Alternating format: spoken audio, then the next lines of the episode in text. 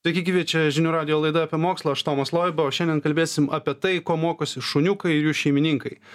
O kas geriau apie tai galėtų papasakoti negu profesionalus dresuotojas, kuris moko šunis ne tik paklusnumo įvairių komandų, triukų, bet dar ir aktorinio meistriškumo. Tai su manim Karolis Grigaliūnas, dresuotojas ir įmonės Gudrų šuo arba Smart Dog vadovas. Sveikas, Karoli. Sveikas, Tomai.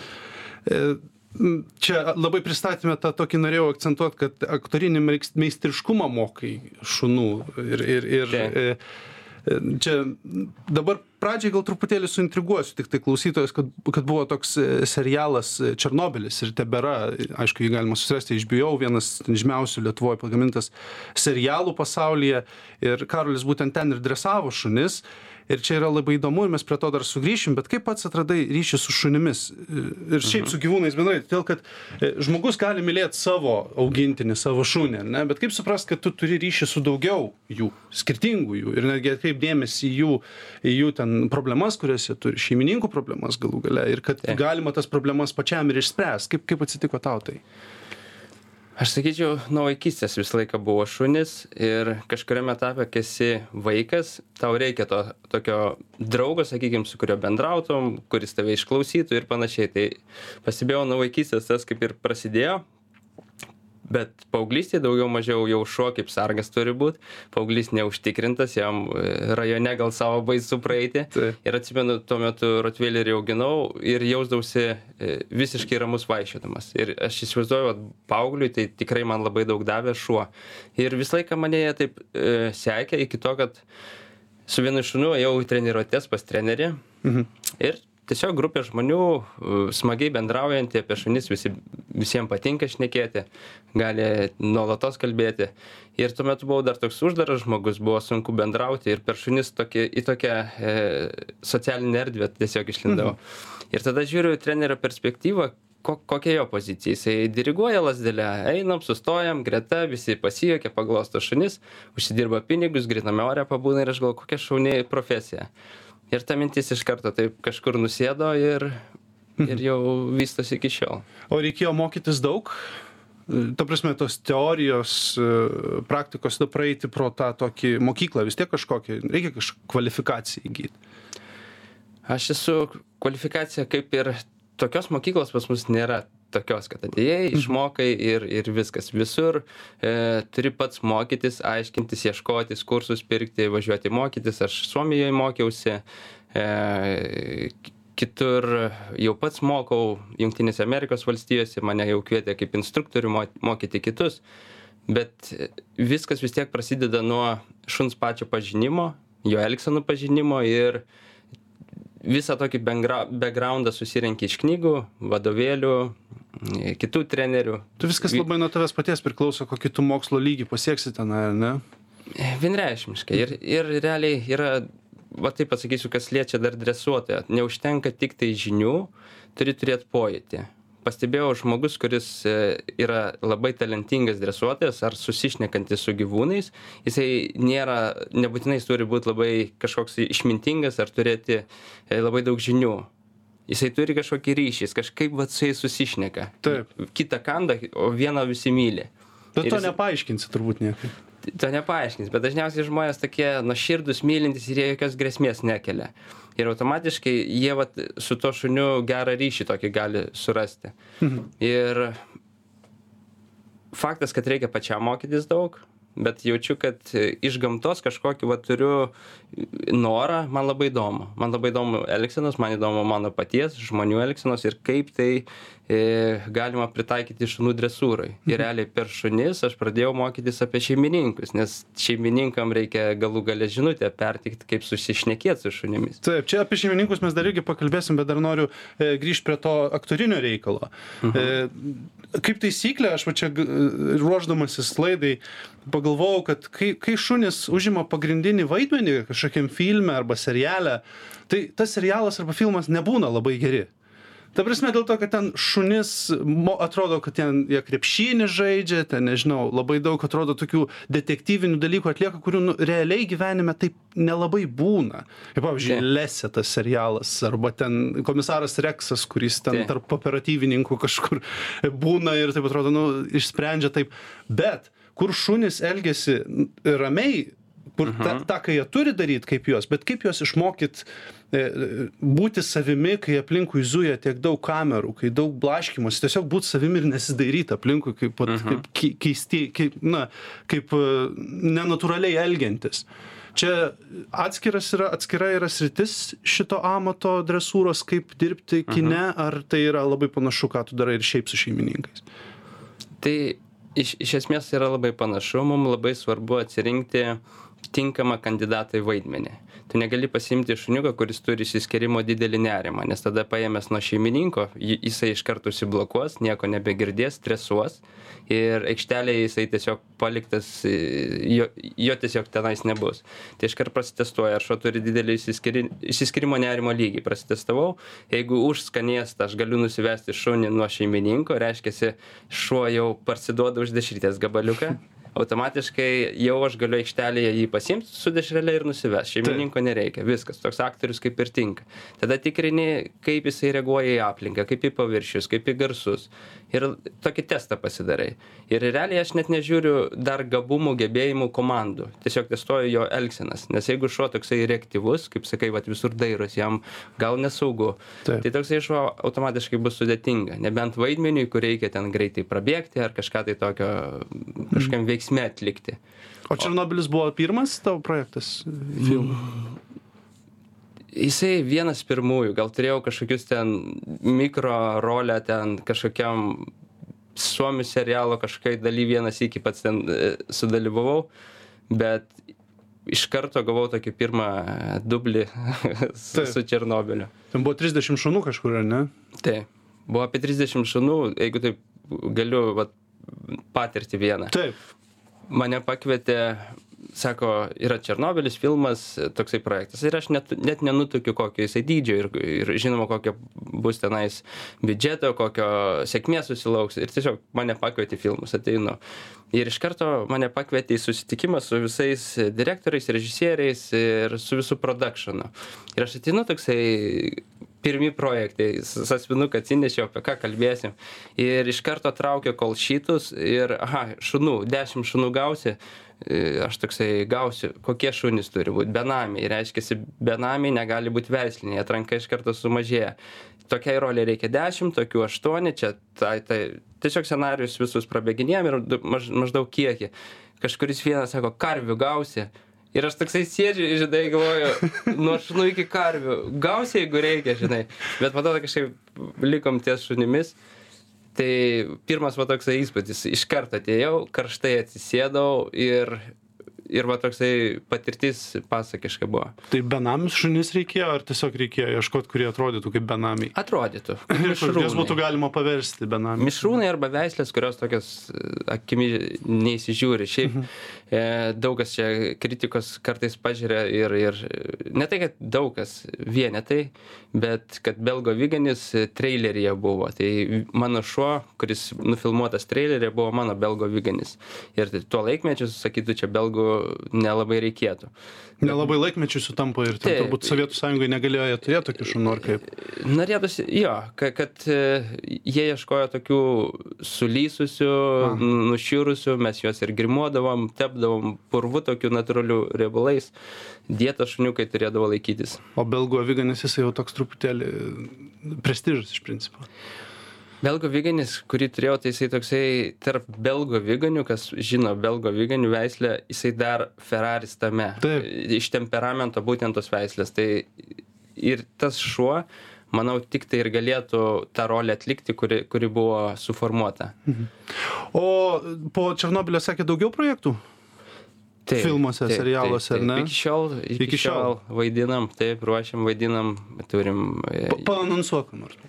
Um, antradienį važiuoju į, nežinau, kiek galiu išduoti, kokie projektai ir panašiai, nes e, nele, neleidžia mums filmuotis aikštelėse, bet greitų metų lietuvių filmas bus, e, kuriame koviniai šunys dalyvaus, kurie turi bėgti, įkasti Oho. ir tokie aktorių pargriauti, jau tokios e, įdomesnės vaidmenys, tokie sudėtingesni.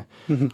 O kalbant apie skirtingas veislės, ar ne, čia dabar jau koviniai šunys, tai jau kokios čia veislės, tas pats Rottweil- Rottweileris rottweileris e, tai- belgo aviganis irgi gali užpult Gali, nugriaut gali. su kuo dirba tarnybos pagrinde ar ne? Taip šiame etape bus e, vokiečių aviganiai darbiniai. Taip bet e, nuo veislės labai priklauso kiek šuo pasiduos dresūrai? Tikrai taip tikrai taip. Gal daugiau nuo veislės taip bet temperamentas ir pats individas irgi nes vienoj vadoj gali būti vienas sukalbamas tos pačios veislės ir o kitas toksai tai čia kaip ir genų loterija niekad nežinai kaip ir žmonės taip niekada nežinai Taip. kuris bus labiau Taip. vienoks kitoks taip na, tokie t- tvariniai, sakykime, ar ne, na vis tiek. O ar tiesa, kad patys protingiausi šunys yra neveisliniai? Nes aš labai dažnai ko girdžiu, kad va čia jau tai veisliniai ten turi daug problemų, serga, būna ten įvairių problemų ir panašiai, bet va neveisliniai jie kažkaip iš savęs labai tokie protingi. Čia labai platus klausimas. platus ir, ir taip sunku atsakyti. Jeigu taip vienetų paieškotum, aš nebejoju atrastum ten super šunį, kuris yra neveislinis ir, ir ten intelekto lygis labai didelis. Šiaip tokia kaip statistika ir jau nerašyta ir rašyta turbūt taisyklė, kad border collis yra labiausiai intelektualus gyvūnas, ne gyvūnas, o šuo. Taip. Tai jisai toksai numeris vienas visur e, dedamas. Mhm. E, O dabar pakalbam truputėlį apie šeimininkus, nes e, čia e, kalbant apie veislinis, neveislinis šuo, e, gali turėti labai didelį intelektą, kaip ir sakėm, vien gen, genetiškai paveldėjęs ar ne iš kažkur, bet tarkim, jeigu šeimininkas neturi to intelekto, panaudoti to savo šuns intelekto ir jį atrast, tai viskas šuo galima sakyti, jis tiesiog įkalintas savyje ir tą intelektą turės visą gyvenimą tiesiog veltui. Mhm. Aš turiu omeny, kad šeimininkas turi atrasti savo šunyje, ar ne? Kad, Taip. ką jis geba ir ką jis, ką jis, ką jis nori daryti. Taip, aš gal taip tiesiog mes kalbame apie intelektą, čia daugiau gal apie žmogų mes intelektą va galim kalbėti, kad žmogų intelektą mm, ir jo žinias reiktų didinti, o šeimininkas, ką noriu pasakyti, turi suprasti apie šuns poreikius, instinktus. Ir va čia nais jis turi domėtis, kokie šuns poreikiai, kokie jo instinktai prieš įsigydamas, pavyzdžiui, gyvūną ir pagalvodamas pasiėmiau vižlą kokį ir e, nemėgstu vaikščioti lauke, gal pasėdėsiu Netflixą, pažiūrėsiu ant sofkutės ir tu matai, kad aš šuo sukasi po truputį, užsikūrinėja, užsikūrinėja, kol jau viskas tampa ne, nevaldomas dėl to, kad tokio aktyvumo šuo jisai turi būti iškraunamas, medžioklinis šuo ir va, tokius dalykus šeimininkai turi vertinti. Visiškai sutinku, kad Tai dažniausiai tokia ir klaida yra, kad nepasidomi prieš pasimdami šunį. labai dažna. Labai dažna. Ir ateina jau pas nepasidomi. nežinodami, ką daryti. Taip, realiai aš taip vis šeimininkam bandau taip pasakyti ir tokia vat džiaugiuosi, kad ir čia turiu vat progą pasakyti, kad šeimininkai, e, kurie mane žavi, kurie e, ateina, pavyzdžiui, individuali konsultacija, man paskambina, sako, noriu pasikonsultuoti, aš ateinu, aš galvoju, kur jūsų šuo, kodėl jūs viršuns, sako, aš dar noriu įsigyti. Planuoju tokį šunį, dirbu tokį darbą, turiu tiek ir tiek laiko. Ir aš žiūriu, tas žmogus, vat, jisai gal dar dvėjoja, jisai galvoja ir tu matai, kad jisai pasiruošęs ar nepasiruošęs, o kiti tiesiog reikia šuns. Pasiema, arba to jau sprendžia. Arba padovanot šunį ten, tarkim, O tai vaikams. per kalėdas nedovanokite šunų niekam. O kodėl? E, Nes ta pati problema. ta pati problema. Taigi šuo jisai tiek reikalauja dėmesio, e, kantrybės, koncentracijos, resursų, finansinių resursų. Ir žmonės to neįsivertina. Galvoja, pasimsiu šuniuką, paliksiu namučiuose, atidirbsiu 8 valandas, grįšiu, bus viskas ok. Bet po to jisai staugia, klykia, drasko, teršia Laužo, namus, tai. laužo ir, ir krūvio negauna. Tada krūvio negavęs, e, tinkamos disciplinos šuo negavęs, įsivaizduokim, namie paliktas, jis jau ten užsikūrė. Tada išeina į lauką, jeigu jisai šeimininkas nežino, kaip valdyti šunį, šuo visą laiką tempia. Nes jis jau pilnas energijos, tada pamatė kitą šunį, įsijungia socialinis instinktas, jam labai norisi bendrauti. Automatiškai šeimininkas laiko neleidžia jo, jisai negali gauti, aš vadinu, frustracija sukyla, va, tas nerimas ir, ir šuo negali patenkinti savo instinktą. Automatiškai šeimininkas nutempia ir visas tas, e, jeigu taip galiu išreikšti, farširuojasi tame šunie tą energiją. Ir po to jie tampa nervuoti, agresyvūs ir, ir visokie kokie. Ir tada mums reikia šunį kaip ir paleisti tą energiją išlieti. O kaip tu gali paleisti, kai tu jau su pavadėliu net negali sukontroliuoti. Ir toksai gaudasi, e, kaip siekiamybė, bent jau mano akimis, kad šuo turėtų ku- kultū, kultūrą ir taisyklės namuose, kad šuo turėtų pasivaikščiojime ir dar kitas blogas būtų, kai šuo yra paleidžiamas. Kad jisai tose vietose būtų kontroliuojamas, sąmoningai prižiūrimas, nes šeimininkai pasiema telefoną, čia atsisigiau šuniuką ir po to, ups, kur jisai. tai Bet e, taip čia mes, čia, ne, tai labai gerai, labai įdomu, dėl to, kad e, gali įsivaizduoti žmonės, kad turiu šunį, jį išleidžiu palakstyti, šiam pamėtau pagaliuką kažkur dideliam laukia, jis išsilaksto, atrodo pavargęs, bet iš principo net ir to negana. Neturi būti tiesiog bet koks lakstymas su bet kokiais pagaliukais, bet kokiais kamuoliukais, turi būti labai struktūrizuotas tas energijos išleimas, kad šiaip naudos būtų tame, ar ne? Čia aš Taip. supratau, ką norėjai. taip, taip, taip, taip. Tai, tai galutinis, galutinis e, tas dresūros ir tikslas toks yra turbūt, kad jis būtų šuo paklusnus, kaip o draugas tavo, kaip ir, ir jo poreikiai būtų patenkinti. Taip. Toks e, formulė, bent jau ką aš atrandu dabar, kad šuo turi būti kontroliuojamas ir su, ta, su tiek, kiek tu jį gali kontroliuoti, tai nereiškia, aš čia užmuštruosiu. Tu gali paskatinti skanėstais, ki- kita forma, kad jisai norėtų būti su mumis, kad gaučiau šuns dėmesį. Ir kiek aš galiu kontroliuoti, tiek aš galiu jam laisvės duoti. Ir kiek aš daugiau laisvės duosiu, automatiškai turi ir kontroliuoti. Ir tada vat, gaunasi šuo, jeigu eina laisvų pavadėliu, jisai, jo nervinė sistema pradeda rimti, nes jis eina laisvai, jis neįsitempęs, jis eina, turi galvoti apie šeimininką, kur jis eina. Ir tada aš pakeičiu e, vežimą su arkliu, ar ne, šeimininkas pradeda vesti, o ne priešingai, dažniausiai ką matom, šuo tempia ir tempia, kur šuo eina, ten ir šeimininkas. Tai neturėtų tai būti. Kad Labai- ne, ne šuo labai- labai šeimininką. Nuo pirmos dienos, aš vakar taip ėjau ir pagalvojau, kad nuo pirmos dienos šeimininkas, kai atsiveža šuniuką namo, jisai turėtų paimti su to šuniuku ir tiesiog vaikščioti ir kad jisai iš paskos pasiekiotų, kad jisai suprastų, kad reikia sekti šeimininką, o ne priešingai. Lyderį sekti, negalima sakyti. Ar, ar Taip. čia tiesa, kad šunis žiūri į šeimą kaip į gaują? Ta prasme, kad ateina į šeimą šuo ir jis jau žiūri, kuris yra lyderis, kuris yra alfa. Tai. Ir taip- jį seka.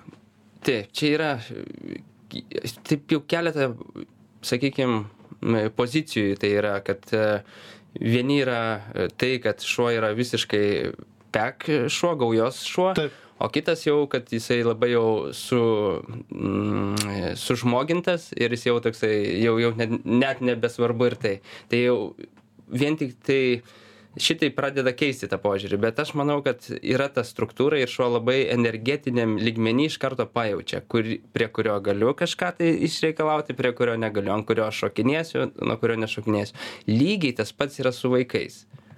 Kai tu matai, kad vaikas e, ar ten tėvas bus, pavyzdžiui, griežtesnis ir toksai sakys, klausyk, prašau manęs ten netampyti. Ir tas vaikas, okei, okay, ir taip ir bendraus. Jeigu tenais e, mama jautresnė, ten at- atlaidesnė, tada jie pradeda stumtis su šunim lygiai tas pats. Jie ateina, vyras dažniausiai bus autoritetas, nes vyrai, nu tokie stobriai mes, ar ne, ten nesitsatskina, tą Yra ir susitarė. Dažniausiai taip, ar ne? Bet to net kartais ir labai reikia. Moteris iš savęs jos daugiau mylinčios, jos daugiau per maistą papirkinėja, žaidžia ir, ir su, su šuniukais taip su, susitarti dar gali, bet tokio jau kontrolės, kada jau labai prireiks, tikėtina, kad nebus. Vaikai iš, automatiškai dar žemesnė grandis, jie jokio autoriteto praktiškai niekada neturės.